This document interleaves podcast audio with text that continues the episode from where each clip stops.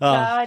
Nydelig. Ja, men Da er vi på plass med en eh, påskeutgave av en, eh, en ordentlig Aftenpodden midt i koronaens tid. Fra hjemmekontorene sitter vi her alle sammen.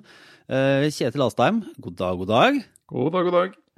Sara Sørheim sitter borte på Briskeby. Har du det fint? Jeg har det etter forholdene greit.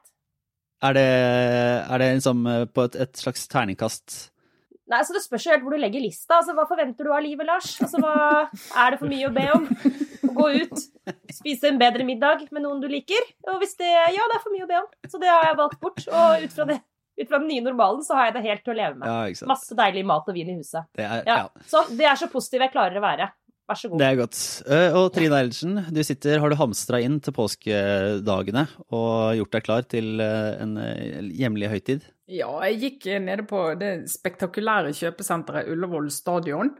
Eh, og der eh, var det også en kø utenfor polet som gjorde at jeg ble jo avholdskvinne på stedet. Så det ser, eh, det ser helt middels ut, for å si det ærlig. Men jeg tenker jo at vi kanskje nå har litt mer sånn spredt i steget etter de dagene som har vært, og, og vi skal gå gjennom mer av den pressekonferansen, men nå er det jo faktisk et slags sånn Det er vel et lys i enden av tunnelen når vi ser at dette kan, kan bli annerledes. Men eh, vi må starte, om ikke selvopptatt, så i hvert fall grunne litt på den merkedagen det var for Aftenposten, da vi fikk oppleve et av journalistikkens vak liksom vakreste små eventyr den, eh, den berømmelige feilsendte e-post. For det er jo en glede. Og jeg, jeg har ikke vært inne i redaksjonen, det er det jo knapt nok noen som er om dagen, så jeg har ikke helt sånn historien eh, nøyaktig for meg hvordan her var. Men da tikker det altså inn en e-post som inneholder regjeringens plan og Bent Høies talepunkter for den store, store pressekonferansen ut av ingenting. Ja. Altså, det her er jo journalistikkens variant å bare sette seg under et sånn kokosnøttre. Bare tenke sånn Jeg bare sitter her kjempelenge, plutselig en dag så kanskje det bare ramler ned en kokosnøtt så uten at jeg trenger å løfte en finger. Som er sånn den drømmen vi alle bærer på. Men eh, det skjer jo veldig sjelden, eh, dessverre. Og at det skulle skje foran den eh, pressekonferansen der, er jo et helt Det er påskemiraklet eh, 2020. Herlighet. Det, dette, blir jo, dette er jo en sterk kandidat til SKU-prisen neste år. Det, altså, da, da må jo avisene skrive en metoderapport som de sender inn. Så det, metoderapporten blir jo relativt kort. Da. Det blir, vi fikk en feilsendt e-post, og vi publiserte innholdet. Ja. Ja, nei, det, jeg kan, eh, kan eh, bekrefte det, at det var ganske god stemning i, i teamet. Og så Samtidig så får man jo litt sånn Å, herregud, hva skal vi gjøre med dette? Eh, For du, det, Bare for å slå det fast, det er ikke alle feilsendte regjeringsdokumenter som du bare publiserer uten videre. Det er jo ikke sånn. Men det er klart at når du har den informasjonen og går gjennom den og ser at her er det ikke noe Altså, det eneste vi på en måte ødelegger for noen, om det skal være snakk om det, det er at vi kommer ut med nyhetene tidligere enn de hadde tenkt de skulle komme ut med. Ingen skades, ingen blir eh, kompromittert, ingen eh, gisler blir satt i fare. eh, ingen hemmelige kilder i grusomme land blir avslørt. Altså, ja, relativt harmløse ting, da. Ja, Det er litt irriterende for de som hadde gledet seg til å sette seg ned ved å høre på pressekonferansen og få nyhetene her, og så spoiles det på forhånd. Det, det er jo Det, det, det, det, det, de får vi bare si unnskyld til, altså. Men Ja. eh, så vidt jeg kunne se på lesingen, så, så holdt de ikke igjen. De, gikk, eh, de fikk det med men, seg. men var, det sånn, var det sånn da at, eh, at eh, vurderingen er jo fortsatt litt altså Regjeringen har jo tenkt ut et opplegg at nå har vi et, et tidspunkt der vi skal gi denne informasjonen. Det dreier seg om hvordan måtte, vi kommuniserer til befolkningen om noe som er eh, superviktig. Er det, var det ingen sånn betrakt... Altså, dette kunne ikke være feil, de har ikke rett til å time det sjøl? Eller hvordan, eh, hvordan så på det? Altså, det er jo ikke Altså, du, du, vi tar jo en diskusjon internt når du, når du får eh, sånne dokumenter. Men, og det er klart at det er jo ting inni der som regjeringen ikke vil ha ut, bl.a. fordi at dette er jo ikke et ferdig dokument, sånn at du kan plutselig få frem eh, potensielle uenigheter. Var det noe de mente på mandag som de ikke mener på tirsdag, og da vil de jo få eh, spørsmål om det. Men det mener jo jeg er absolutt i offentlighetens interesse å få innsikt i den type uenigheter som vi vet eh, fins på bakrommet. Noen av de får vi vite løpende. Eh, og litt ut av munnviken, og andre de må vi avsløre. Men eh, det er jo klart det er offentlighetens interesse å få vite om det. Jeg skal jeg bare innrømme at jeg stiller spørsmålet litt sånn på vegne av, en, eh, av, av motstanderen av dette her. Jeg, jeg er jo i grunnen enig, men du skulle si, Sara? Nei, jeg skulle bare si, jeg så jo, apropos det òg, de som ikke helt skjønner den åpenbare logikken da, i at sånt skal publiseres. Jeg så Ole Berge, som eh, nå jobber i First House, tidligere politiker, som alle andre i First House omtrent. Men han skrev på Twitter i går at eh, eh var det virkelig nødvendig i Aftenposten? Så at dette skulle bli offentlig klokken fire. Måtte dere virkelig da publisere det noen timer før eh, og risikere litt unøyaktigheter? Kunne dere ikke bare venta? Eh, og som stiller seg uforstående til det som vi i pressen ofte tar helt for gitt, da, som er at nyheten skal ut så fort som mulig. Mm. Og jeg ser jo for så vidt det poenget, hvis jeg skal være helt ærlig, fordi dette er jo liksom samfunnskritisk informasjon hvor det er tenkt gjennom hvordan det skal bli sagt, sånn at folk får det med seg på en best mulig måte. Altså, hvor mye verdt er de to timene, da? Det er jo helt naturstridig selvfølgelig for en redaksjon å sitte på en sånn sak og ikke publisere, men jeg, det, kanskje ikke det er så åpenbart for alle andre? Jeg vet ikke. Nei, det var, det var jo flere som reagerte på det i går, uh, at vi gjorde det. Og syntes at det var litt sånn vet du, så Det var en som skrev på Facebook Fins det ikke en sånn gentleman's agreement når sånt skjer? Altså at vi høflig sier altså, Hvis jeg hadde fått en e-post, Sara, som jeg skjønte skulle til deg personlig, og så var det jeg som fikk den, så ser jeg på det innholdet at uh, denne skulle ikke til meg, den skulle til Sara. Så, så så vil jo jeg behandle det på en annen måte, det kan jeg love deg.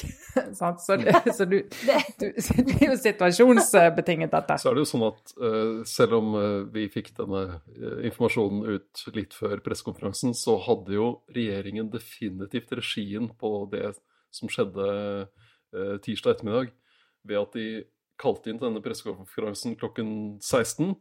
Eh, og de sto der og snakket og presenterte beslutningen sin og begrunnet den i en halvtimes tid omtrent. Og så kom da underlagsmaterialet, rapporten fra ekspertene som vurderte altså de helsefaglige rådene, eh, økonomene som har sett på kostnader, og det ekspertutvalget som har sett på åpning av skole og barnehager. Det ble da bare publisert sånn lagt ut på internett sånn 30-40 minutter etterpå. Så de hadde jo tatt Alle premissene kom jo i all stillhet etterpå. Så man fikk mm. jo ikke gått inn i dette kritisk før, før, før de var ferdige, egentlig.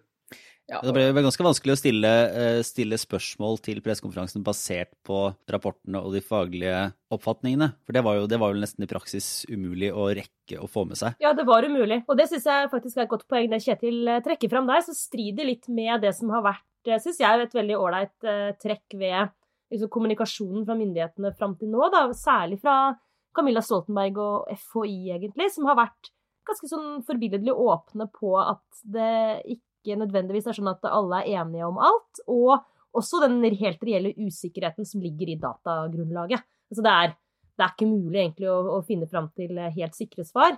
Uh, så det har egentlig vært ganske ålreit, men i går så syns jeg jo det blir litt sånn um, ja, Det er litt sånn uheldig at uh, de rapportene kommer ut etter pressekonferansen, fordi de inneholder jo nettopp masse krutt uh, for journalister. For eksempel så er jo FHI nok en gang i sin rapport uenig i, uh, i en del av de avgjørelsene som regjeringen tok. og regjeringen har helt bevisst faktisk lagt seg på et liksom, tryggere nivå. de er mer på den sikre siden nå enn det fagekspertene har rådet dem til når det gjelder f.eks. åpning av skoler og barnehager. Uh, og det kommer jo frem uansett. Det hadde vært mye bedre hvis det ble mulig å stille spørsmål om det på pressekonferansen. Nå er det jo liksom påskeferie og mange dager til vi får disse folka i tale igjen. Ja, Det er interessant det du sier, eh, Sara, at de har lagt seg på et tryggere nivå. Sant? For det er jo regjeringens argument. Men det er jo, FHI vil jo ikke anbefale noe som er utrygt. Altså, Regjeringen eh, velger safer ikke av smittevernhensyn. Det er ikke det som er argumentet. Det er argumentet at de såkalt lytter til folk. De lytter lytter til arbeidstakerorganisasjoner, eh, og de lytter til barnehageeiere. Og det er jo fint at de lytter til de, eh, men de ikke bare lytter til de, de lar de legge premissene og si at det er de som skal styre når skole og barnehage skal åpne. Og det er, ganske, det er et ganske sånn klart brudd, egentlig, med helsefaglig råd. For det er jo en grunn til at FHI har vært såpass skeptisk til akkurat det, fordi det har en pris i andre enden. Det er det ene. Eh, NHO har åpenbart vært opptatt av det, fordi at det har en kjempekonkret pris for arbeidsgivere arbeidsgiver og arbeidstakere. Eh, og så er det jo også det at smittedimensjonen i det her er jo fremdeles Senest i dag sa de jo det at smitte til og fra barn fremstår som helt ubetydelig. Helt ubetydelig. Jeg må si også, jeg synes det er eh, Det kan virke som at det er litt sånn hilsing hjem her til f.eks. lærerorganisasjonene. Eh, hvor, hvor, det, I Oslo f.eks., hvor Inga Marte Torkelsen, som er byråd for bl.a. skole, uh, har vært tydelig på at det var for tidlig å åpne etter påske fordi skolene ikke var klare, f.eks. At det, var krevende for lærerne. Og det er ikke et sekund i tvil om at det er.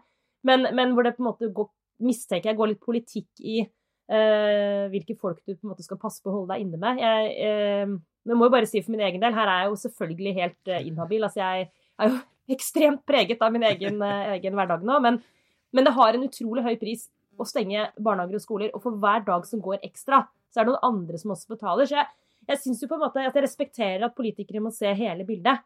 Men det er en fordel at de i hvert fall er helt åpne på det. da. Mm. Det, det, gjelder også søndagsstengte butikker for øvrig. Som jo eh, vi kan ta etterpå, eh, Kjetil, hvor du hadde en utmerket kommentar i, i Aftenposten. Men hvor det også er politikk at de butikkene skal være stengt. Greit nok, men for Oslo-bordet hadde det vært en enorm fordel om ikke alle måtte handle alle tingene sine i dag, onsdag. Men ja. Kjetil.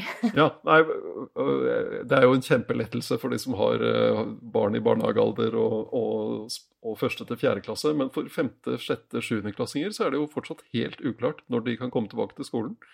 Og det, det, det Ekspertutvalget anbefalte at de skulle få komme tilbake 20.4. Og nå er det en eller annen gang før sommeren som er beskjeden fra regjeringen. Det er klart, det, da skal man ha en veldig god begrunnelse når man overprøver de, de, rådene de har fått. Jeg tror nok hensynet til kommunene har vært ganske viktig her. De har vært redde for at Oslo f.eks. Skulle, skulle sette seg på bakbeina og si at nei, vi åpner ikke, vi venter lenger. og og at det har vært viktig for regjeringen da, å ikke få den konflikten. Men, mm. men det er jo ganske stor kostnad, stort tap for mange, for barna ikke minst, at de ikke får komme tilbake på skolen. Jeg syns, det, jeg, syns det, jeg syns, de bør presses mye mer på det der. fordi at, altså En ting er jo at jeg skjønner at Oslo sier at vi klarer ikke å åpne skole eh, 15.4, altså rett etter påske. Eh, og så har jo ikke det egentlig vært et tema, viser det seg. Eh, men det de sier, vi trenger i hvert fall uken etter, og det har flere av de store kommunene sagt. Men det er jo ikke det det er snakk om her, det er jo snakk om to uker i tillegg til mm. det. Og da bør du jaggu ha god argumentasjon, pluss som du sier, Kjetil, at de eldre skolebarna, grunnskolebarna, de eh, er det ikke noen dato for. Uh, og de aller eldste, der, du, der, er det en sånn smittegrunn, fordi at de sier at de har mye større radius, de beveger seg over mye større deler av uh, områdene og geografien der de bor. Sånn at hvis det er smittested, så vil de sannsynligheten for at de tar det med seg, er mye større, så du klarer ikke å stenge inne smitten. Men for grunnskole og for barnehage så mener de jo at det problemet har du ikke. Og det at du ikke har geografisk differensiering overhodet. Vi har kommuner i Norge uten smittetilfeller Eh, vi har kommuner i Norge med veldig altså eh, Du kan telle på én hånd hvor mange barneskoler det er der. Og så skal ikke de åpne før 27. april. Altså, jeg mener det er helt utrolig at ikke de er blitt mer utfordret på det. Å stå der og sier at nei, fordi at folk føler seg utrygge. Hvem er folk? Hvem er folk? Altså, Er det en meningsmåling? Er det leserinnlegg i avisen? Er det noen som har ringt til Bent Høie? Hvem er folk i dette tilfellet her? Altså, jeg, jeg, jeg, jeg, bare mm. skjønner det bare ikke. Ja, for Det var et spørsmål her, og det er flere som har nevnt det. Det ble sagt både på pressekonferansen til regjeringen på, på, tirsdag og i Oslo-pressekonferansen av Inga Marte Torkelsen her nå i dag, onsdag, at uh, det var liksom selvfølgelig skal man ikke få elever tilbake på skolene før Eh, foreldrene føler deg trygt. Men foreldre må ikke få føle så mye. Foreldre må forholde seg til fakta, akkurat som alle andre mennesker. Hvis, for, det, og hvis foreldrene ja. føler seg inn i en eller annen sånn bakvei, så må du forklare foreldrene at ja, men det er trygt.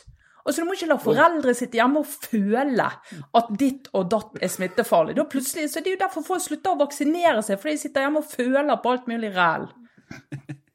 Jeg, jeg føler at det ville vært trygt for meg å gå ut og ta en øl. Ja.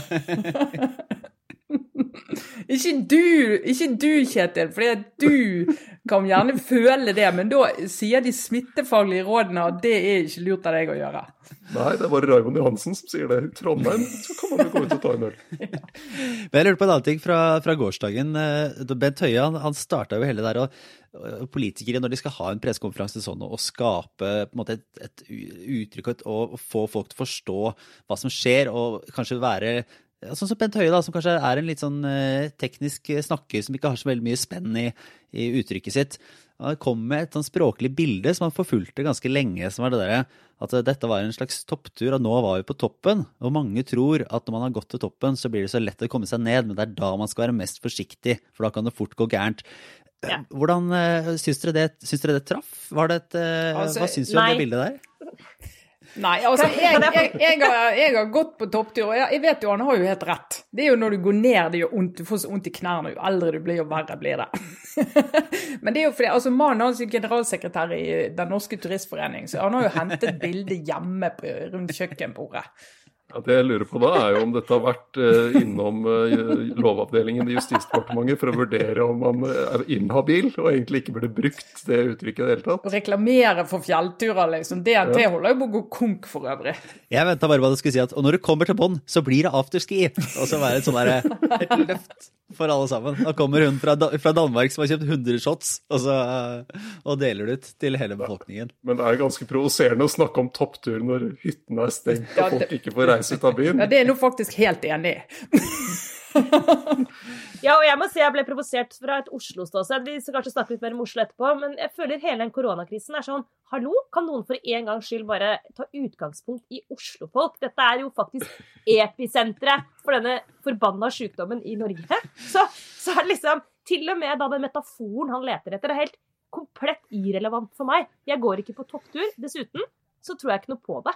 Fordi ja, det er sikkert vondt å gå ned, men det er da for guds skyld bedre å ha vært på toppen, og så være på vei ned igjen. Så jeg var sånn Alt med den metaforbruken irriterte meg altså grenseløst. Så faktisk så mye at jeg ble sånn Jeg syns jo Bent Høie er en veldig dyktig kommunikator, og jeg har faktisk utrolig tillit til han. Jeg kjenner at jeg er sånn på dypet av min sjel. Jeg er glad for at han er helseminister akkurat nå. Men i går kjente jeg sånn Nå skal du heller velge deg en sånn metafor en annen gang som jeg kan relatere meg til. Jeg, jeg liker ikke uh, sånne metaforer, jeg. Jeg syns bare de skal slutte med det.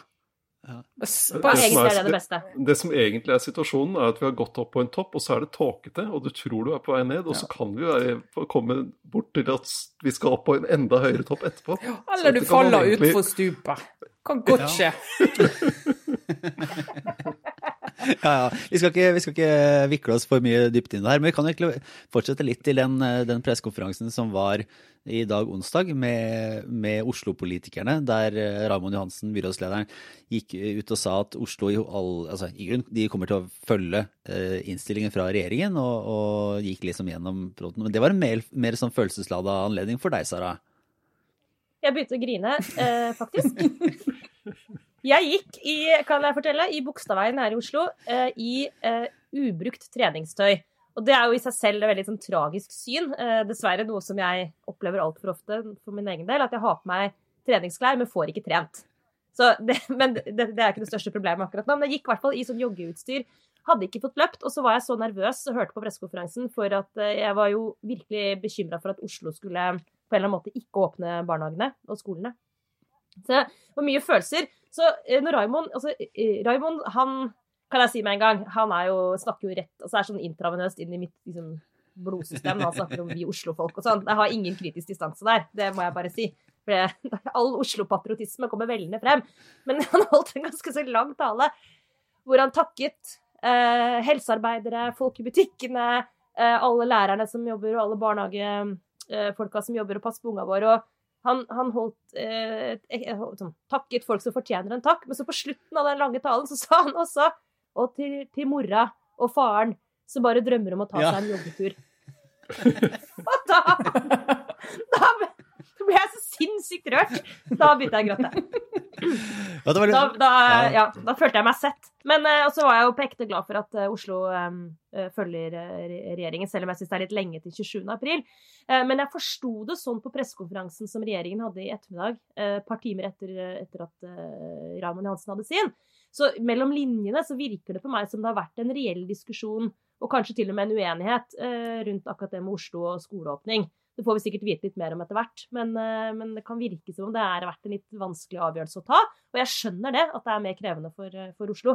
Men, eh, men jeg er jo sånn veldig letta for at de landet på, på samme åpning som resten av landet. Det var litt interessant å se. Jeg synes jo eh, Det er ikke så ofte man får det i Norge, og jeg kjente litt på den der Oslo-patriotismen sjøl, for det var litt sånn Det kom nærmere eh, på mange vis, og, og, det var jo en lettelse å, å høre at, eh, at, hverdagen nærmer seg noe av det normale også her. Men jeg fikk litt sånn eh, Raymond, eh, han dro litt sånn på med Jeg skal ikke si sånn derre eh, partileder in waiting-aktig, men han tok en litt sånn derre eh, byfaderrolle. Han tok på seg å sette ord på alles følelser på en måte som ikke så mange politikere egentlig kan gjøre i et land. Fordi man eh, jo ikke har en Det er ikke så lett å gjøre det fra Stortinget, å snakke liksom på vegne av så mange. Så jeg bare så i en sånn eh, det er litt sånn som Andrew Como har gjort i New York. At det er de som faktisk styrer litt, kan gå inn og skape seg en posisjon. Det virker jo som Raymond Johansen har gjort det relativt bevisst i denne saken helt fra starten av. At det brukt denne autoriteten og posisjonen, som jo er naturlig, til å styrke seg litt. Har han det? Eh, ja, jeg vet ikke. Jeg syns for så vidt det var helt greit at han prøvde å løfte og si litt om situasjonen, men det var samtidig en sånn Alle ventet bare på hva skal skje i Oslo med barnehager og skole og skjenking og de forskjellige tingene. Så det var Ja, det satt ikke helt for meg, men det var for så vidt greit at han løftet det. Eh, ja, Så du syns det var litt, litt Du syns han som, somla litt, liksom? Ja, jeg fikk, ble liksom mer utålmodig. Så skal vi liksom få gi svar til Sara i jogge, joggeklærne i Bogstadveien. Det, var... det funka jo for meg, funka for meg vet du, Kjetil, for jeg følte meg snakka til. Ja. Uh, rett og slett. Ja. Sånn, du fikk ikke svaret på den der ølserveringsgreia, Kjetil, så derfor du ja. følte deg ikke snakka til. Der, uh... Men jeg syns du er inne på noe interessant der, Lars. Vi får se litt. Nå sier jo Raymond Johansen at han liksom, ikke vil bli partileder. Det har han jo sagt egentlig hele tiden. Men han gjør jo ting som tyder på noe annet. Eh, det er mulig han bare er drevet av også rett og slett bare at han nå er i sånn type katastrofeledelsesmodus. Men han har jo vært utrolig offensiv eh, på vegne av Oslo, da, for så vidt. Og ikke nødvendigvis på vegne av seg selv og sitt kandidatur. Men han har jo tatt en mye mer aktiv rolle og vært egentlig litt sånn i forkant eh, flere ganger av også de nasjonale retningslinjene og tiltakene. Så, så ja, vi får se. Men han har markert seg veldig nå disse ukene, og for så vidt syns jeg vist seg å være i stand til å som stå frem og ta ansvar og som fungere som leder, da. Og kanskje også, men her er det jo helt litt ned til hva man foretrekker av type retorikk og sånn, men jeg syns jo han har en annen måte å snakke på også som, som eh, er litt mer emosjonell enn f.eks. Erna Solberg, som er jo ekstremt praktisk og litt sånn tantete. Eh, så det er interessant å se hvordan det slår ut etter hvert på tillitsmålinger osv. Mm. Vi kan jo egentlig eh, fortsette til det som eh, er et tema som kommer til å komme. og Det var jo det allerede i forrige uke, men det blir jo det i hvert fall nå. For en del av løsningen da, når man skal begynne å slippe litt opp og, og, og være tillate mer reising og skole og, og, den biten der, er jo denne digitale appen og den løsningen som, som er på, på, vei, som skal gjøre at uh, man eh, melder seg på, blir ja, sporer seg selv, på en måte. Altså laster opp data hvor man beveger seg. Eh, sånn at det skal være mulig å gi beskjed til de du har vært i nærheten av i etterkant, dersom det viser seg at du har blitt smitta. Og der har det jo allerede vært diskusjoner rundt uh, måte, privatliv og overvåking. Og jeg så nå at ja, det er noen helt sånn generelle problemstillinger til dette, men det ble også spesifisert litt med, med tanke på Presse-Norge. For der gikk jo Gard Steiro i, i, VG ut og sa at han ville ikke anbefale journalistene i VG å laste ned den appen og følge den. Eh, har vi tatt noe stilling til det sånn spesifikt, eh, Trine? Og er det noen sånn andre generelle oppfatning om hvordan nordmenn burde agere med den her? Nei, altså vi, vi, har jo hatt en eh, liten, bare litt sånn forsiktig runde inne hos oss med Er det mulig å, å bli La seg trekke på den måten hvis du f.eks. har kildemøter. Eh, så hvor du absolutt verken du eller kilden har interesse av at noen skal vite at dere har møttes. Eh, og, det, og det, vi, vi, kan jo ikke logge den type bevegelser, så det kan vi jo ikke, det kan vi ikke gjøre. Mm. Ja, for det det, For journalisters del så, så vil det jo dreie seg om nettopp det at i det tenkte tilfellet at vi møter noen fra myndighetene som avslører at det er Bent Høie som har satt ut dette viruset, eh, så skal det kunne skje i hemmelighet, og det skal ikke kunne spores at journalist eh, et eller annet for en uke siden var og møtte nettopp den personen som har den informasjonen, og så skal myndighetene Mm. Altså, fikk det, faktisk- fordi, det får de gjør i Kina, Jeg fikk eh, ikke her. faktisk en e-post her om dagen med en som forklarte meg at eh, det var Erna Solberg som hadde satt ut dette viruset for å vinne valget neste høst. Så at, ja, at uh, koblingen fins der ute, skal du ikke tvile på. Neida, Nei men det er jo nettopp det. Det kan være det eller, eller altså, helt andre typer saker der vi rett Altså det er et klassisk kildevern. Det, det, det, akkurat det syns jeg ikke er komplisert. Noe, noe av det med den appen sånn mer generelt da, i samfunnet som jeg, syns er litt spennende, er De sier jo hele tiden at dette skal være frivillig å bruke. Men hvor frivillig blir dette i praksis?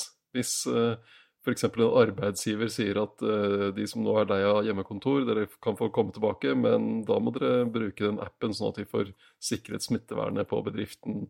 Hvis ikke må dere sitte hjemme, eller Mm. må du liksom vise den fram i døra hvis du skal inn på et utested. Ja, jeg, jeg bruker denne smittevernappen, så jeg kan trygt komme inn her. Altså, Mm. hvor, hvor i praksis, hvor frivillig blir det? Det, det er ikke gitt. Men for meg så er det litt, er litt sånn omvendt eh, altså det, er, det er ikke vanskelig å se uh, veldig problematiske sider ved den appen, helt sånn åpenbart. Men jeg, for meg så handler det også litt om men hva, hva er alternativet til å ikke eh, få en sånn app?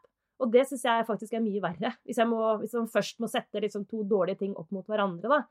Eh, særlig fordi hvis, hvis jeg har skjønt dette riktig, så er det med smittesporing er så sentralt eh, for å i andre enden kunne liksom lette på noen av de ekstreme tiltakene. Da. Eh, I dag så er det Jeg tror det er helt sånn altså Jeg har ikke et antall mennesker, men det er jo helt åpenbart ekstremt ressurskrevende å skulle spore smitte manuelt. Eh, sånn at det, eh, da er alternativet rett og slett å holde folk inne. Så sånn eh, Ja, det er personvernmessig superutfordrende å skulle ha en sånn app, men det er samtidig samfunnsøkonomisk, sosialt, kulturelt, politisk helt umulig å holde folk inne i månedsvis.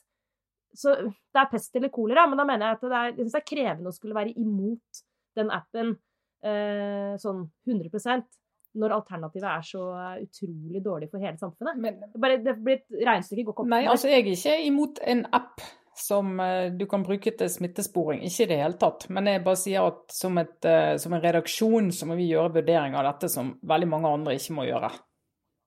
Ja, det er jeg enig med deg i. og det- Men det er klart at eh, jeg mener jo at hvis man har sensitive kildemøter som journalist, så burde man ikke ha med seg telefonen sin uansett. Eh, Rett og slett. Fordi det er, eh, det er mulig å spore. Jeg skulle, Hvis skulle si at det ja. finnes jo ekstremt mye informasjon, og jeg tror de fleste må ta seg en ekstra sjekk på hvordan man, hva man har tillatt av ulike ting, hvis man skal si at man eh, er trygg i en sånn setting. Ja. Altså, det er med så mye informasjon som vi både frivillig og ubevisst gir videre hele tida, så virker det jo litt sånn overprinsipielt å skulle sette seg fullstendig på bakbeina når det dreier seg om en statlig app i dette tilfellet. Eh, I hvert fall sånn helt generelt, da. Men eh, det er, ja, det, Det er noen ting som må være på plass, da, og det handler jo også om at man må ha tillit til at norske myndigheter ikke misbruker informasjonen. Det er klart Hadde jeg bodd i Kina, så hadde jeg sikkert ikke vært like utgangspunktet positiv. da. Fordi eh, det skal f.eks. kun lagres en viss tid, sant, de opplysningene. Jeg tror det er 30 dager. Vi kan ikke vite helt sikkert at det blir sletta. Det man må jo bare måtte, tro på. Så det er klart at det er jo en test på, på om dette tillitssamfunnet altså om man stoler på myndighetene eller ikke. Da. Det er jo eh, helt åpenbart at det kan misbrukes. Jeg tror vel et poeng her er eh, hva man har vent seg til også, med alle mulige slags apper og bruk av sosiale medier og sånn. Der man bare krysser av på ja da, ja da, jeg godkjenner alle disse lange premissene her.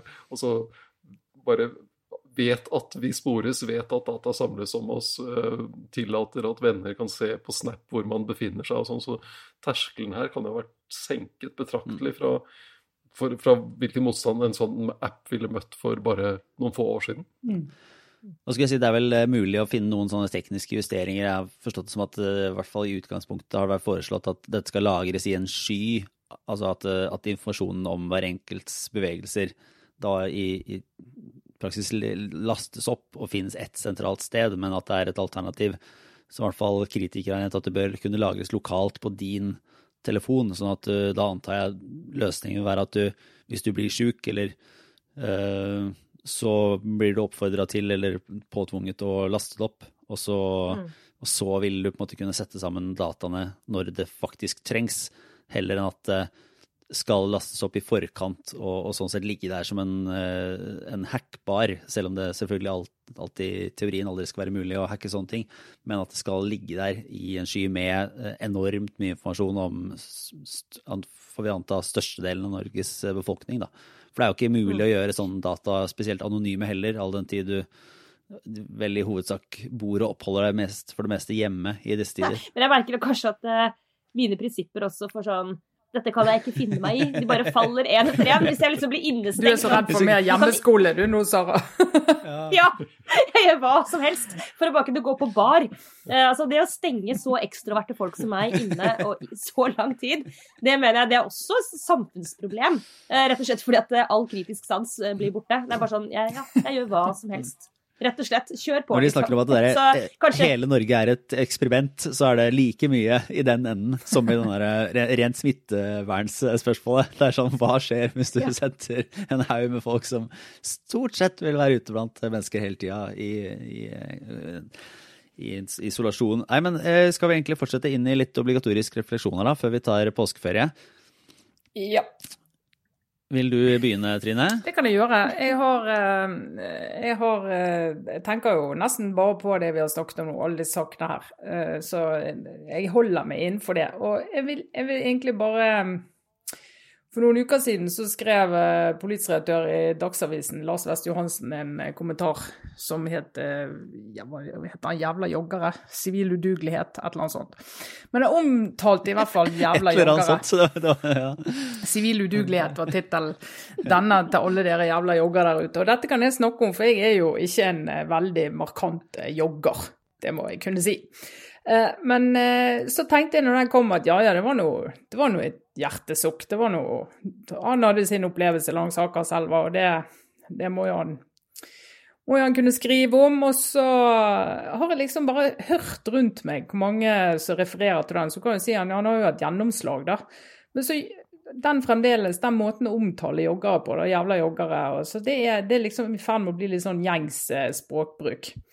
Eh, og da er det jeg tenker Det her er litt sånn Trump-metodikk. Altså det er en som har en meningsplattform, eh, løfter opp en språkbruk og en måte å omtale en gruppe på, som da i løpet av enormt kort tid blir legitim.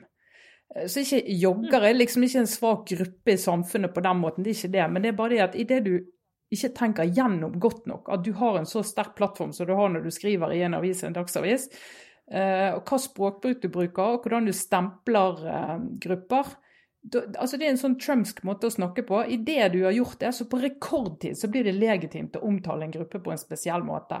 Og det mener jeg at vi ikke skal gjøre i eh, redaktørstyrte medier. Det må jeg rett og slett si. At da skal vi være utrolig mye mer forsiktig med å omtale joggere, hundeeiere, eh, innvandrere, eh, hva det måtte være, nordlendinger, osloboere. altså Den måten å snakke om folk på, det skal ikke vi drive med. Altså Du kan si noen joggere. De joggerne som jeg møtte i dag på min tur langs elven her i Oslo. Men å holde på med det, det mener jeg forsøpler en god diskusjon. Forsøpler måten å snakke om andre på, legitimerer stempling av grupper på en måte som jeg, ja, jeg mener vi bare må slutte med. Mm. Over og ut. Jeg kan Ja. Nei, men den er fin. Jeg kan egentlig fortsette, for eh, jeg har en eh, jeg vet, Det er en slags en parallell, jeg vet, ikke helt rett, men den, det som har vært tilsynelatende 2020s mest delte eh, sak i sosiale medier, er denne Dagbladet-saken om folk på Grünerløkka som gikk så eh, trangt i Markveien. Åh, den. Ja. som, som er Og det er egentlig Det var jo handla da også om at Dagbladet tok et bilde som var brukt med en sånn telelinse oppover den veien. Så hvis du på en måte Da, da tar du egentlig bilde av 400 meter med vei, da, men, men det, det ser liksom Folk ser, ser ut som de er stabla oppå hverandre. Og det gir vel antageligvis Det gir et eh, feilaktig inntrykk av, av hvordan det var. Selv om det jo fortsatt kan ha vært mer mennesker enn det man kanskje burde ha. Men, Ja, det vet jo eh, ikke du lenger, Lars, Det vet jo ikke jeg er- lenger. Jeg som ikke har vært der på åtte uker. Og jeg bodde der, vel videre. Så det er det Altså du som har endt opp med å være liksom Løkka-Lars til å være sånn en småbarnsfar i liksom forstedene. Det er jo en, eh, det er også en tragedie våren 2020 som ikke blir fortalt, egentlig. Som drukner, Drukner i i helt andre ja, ting. og, Ja. Så her, med det, det jeg skulle si, det er bare det egentlig som er den fremste betraktningen, var at eh, fordi jeg da har bodd rett i nærheten, og er Det er veldig mange av mine venner som er i nærheten. Jeg er jo en del av den eh, den Nei, demografien, da. Eh, I, i, fortsatt i sosiale medier så er, har jeg en viss etterring. Og da ser jeg den, den, liksom, den derre såraheten som oppstår når man føler seg urettmessig og liksom urettferdig behandla i mediene. Den er, altså, det er en så sterk refleks. Og det, her er jo veldig mange som er mediefolk sjøl, som jeg har sett, og som har på en måte en, en rolle, og som vel ofte har skrevet saker og sitter i andre mediehus, kanskje, og har forsvart eh, litt sånn sleivete saker, eller litt sånn eh, litt bommerter på egne vegne ganske lenge, da. Eller har snakka om at folk ikke skal være så fryktelig hårsåre. Det er typisk eh, egentlig typisk sånn vi ser minoriteter, da. Som, eh, som, får, som får saker som omtaler altså, dem, som kanskje har en eller annen tar opp en problemstilling som er reell, men som oppfattes som litt urettferdig. Hva prøver du å si nå? Prøver du å si at eh, de krenka reaksjonene på den saken, som jeg blant annet eh, hadde, eh, var liksom overfølsomt? Nei, Altså, Du var, jo der og sjekka, du var jo der og sjekka dagen etter, Sara. På en søndag. var. Da var det jo ingen der. Jeg er klar over at det kanskje var Jeg, jeg, jeg følte jeg la ut for et selvrettferdig godt stykke journalistikk på Facebook-siden min, hvor jeg kunne dokumenterte via fotografi eh, at det var helt folketomt i Markveien. Eh, men jeg ser jo ikke til at det, jeg, jeg, jeg gjorde ikke et poeng ut av at det var søndag ettermiddag. Og ingen åpne butikker. Sara, du, det du, bare, du bare så at uh, her var det Oi, her, eh, det var så mye folk der. Dit vil jeg! Og så reiste du dagen etter, og da var det ingen der. Skuffet deg. Nei, poenget var egentlig at de uh, uh, Når man omtaler, så opp, oppfatter omtalen som litt urettferdig, så, så, kan, så er den følelsen veldig sterk. Og eh, den, den derre den, det er liksom ikke, det er ikke begrensa til eh, Utkant-Norge eller liksom periferien å føle seg tråkka på hvis noen eh, kødder litt med stedet du bor på eller er på, eller hvem du er. Da, da rykker det kraftig til. Så jeg tror det er vel kanskje mest at de som, de som ellers eh, snakker om at du skal ha en offentlighet der man skal tåle ganske mye, og det må være lov å tulle litt og allting, eh, fort eh, blir krenka veldig når noen antyder at, eh, at, man, at det er et eller annet gærent i nærheten her, da. Så ja, jeg, jeg, jeg, siden jeg nå har flytta ørlite grann ut av den der bobla, så tillater jeg meg å se på det fra eh, en sånn en kilometers avstand. Så Nå syns jeg du var veldig flink, eh, Lars, til å komme med så mild kritikk at jeg ikke ble liksom igjenkrenka sånn, ja. eh, av din kritikk. Nå, for da kan min OR være veldig kort. Kan være sånn Jeg tar til meg den kritikken, eh, Lars. Syns den saken i Dagbladet var skamfull eh, og kjempefornærmende.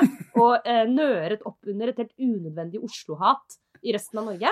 Men greit, jeg lar det ligge. For jeg tar til meg at du kanskje peker på noe Så så grunn, så grunner litt på om det kanskje mm, muligens var litt mye krenk. Og sånn Så- sett så går vi foran som et godt eksempel på hvordan uenigheter og kritikk kan eh, gis og mottas. Og så gå videre inn i høytiden, der vi alle kan, eh, kan eh, tenke på, på hvordan vi behandler verden. Nei, men det var, det var alt du hadde, Sara? Eh, nei, men det var alt jeg skal dele med dere nå. Jeg skal nemlig høre på Kjetil. Ja. ja, det er bra. Ja, takk for det, Sara. Eh, Jeg prøver å velge her, egentlig. Fordi jeg lurte på siden det var påske om jeg skulle anbefale en islandsk TV-krim, eller om jeg skal, altså noe som alle bør gå inn og se på. Det er Språkrådets omtale av hvordan man skal uttale korona. Som Oi. da skal uttales korona og ikke korona, eller korona. Fordi det er helt feil. Og hvis man sier kor korona, så er det på samme vis som man sier alkohol eller fotograf. Men du, Så det, Men da må jeg få lov å, å trekke en kjepphest ut av stallen med en gang. Bare for å lufte den litt. Og det er altså 99% av denne befolkningen. Og jeg skal vedde på at det er noe jeg er interessert i å høre hva dere sier. Sier dere konsernsjef eller konsernsjef? Hvis, Jeg- hvis jeg- dere sier konsernsjef, så, skal, så får dere i ræven med øks. Det går ikke Det går ikke an å si konsernsjef. Det heter konsernsjef. Takk. Jeg er spent på hva, hva Kjetil sier. jeg, kommer fra Konsernsjef! Selve Bare tull. Jeg har alltid sagt eh, konsernsjef. Ja, det er bra. Det er bra. Ja, nok om det. Men altså, jeg har bare lyst til å, å bare advare litt, og leser og sånn der ute. Det kan tenkes at dere blir utsatt for en kampanje fra Medie-Norge i de kommende dagene, eh, der, de, der vi i mediene, mediene takker for tilliten. Det kan komme som sånne rammer på, på eh, profilbilder på Facebook og sånne ting. Det vi, egentlig, det vi egentlig sier med det, er at vi vil at alle skal lukke opp vinduet og klappe litt for oss i mediene for den innsatsen vi gjør nå under, under koronakrisen. Og aller helst også, vær så snill, gi oss masse penger. Ja. Men kanskje, kanskje vi skulle satt, vi satt et, eh, et slags tidspunkt der alle kan klappe? Være Lørdag, lørdag klokka lørdag, lørdag, ja. Ja. Det er eh, natt, jeg, kan- jeg kan bare si at uh, bildet mitt dukker opp i den kampanjen. Det kan jeg Ja, ja, bare si. ja, det er- For det blir bedt om å bidra med et bilde, så det har jeg sagt ja til. Men eh, jeg, ser, eh, jeg ser innvendingen din, eh, Kjetil. Vi, tak, vi Altså, takker jeg synes, alle for tilliten. Jeg klapper for alle kolleger som, som gjør en stor jobb nå, ja, altså, men jeg syns kanskje dette ble litt kleint. Ja, du blir litt brydd, rett og slett.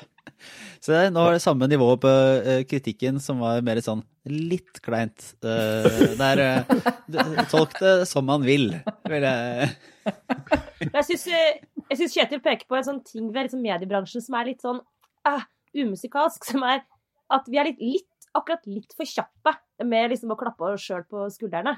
Sånn, det er jo helt åpenbart at, eh, at mediene gjør en viktig jobb, bladdi, bladdi, blæ. Men altså litt sånn, kan vi ikke for en gangs skyld vente til noen andre sier det? Men Sara, det er jo ingen som sier det hvis ikke vi sier det sjøl. Det er jo sånn greit nok. Folk vil jo klappe for de der jævla helsearbeiderne.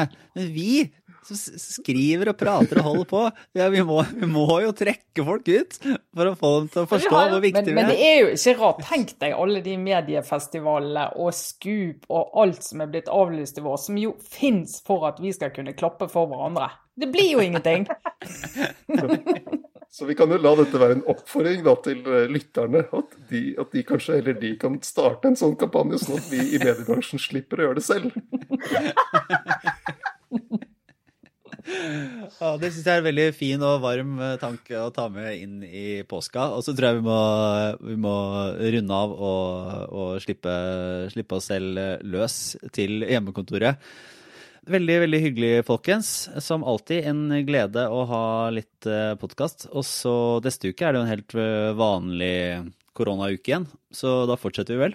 Absolutt. Koronauke. Korona, Lars. Korona. Ja, men altså, jeg mener at jeg Er det Jeg Vet- sier av korona, er det ikke? Jeg tror det der er like kjørt som er konsernsjef. Bare for å få nevnt det en gang til. Ja. Jeg skal Hei. Uh, god koronahelg, alle sammen. Takk for oss. Det var Aftenpodden. Ha det bra. God påske. Ha det. God påske.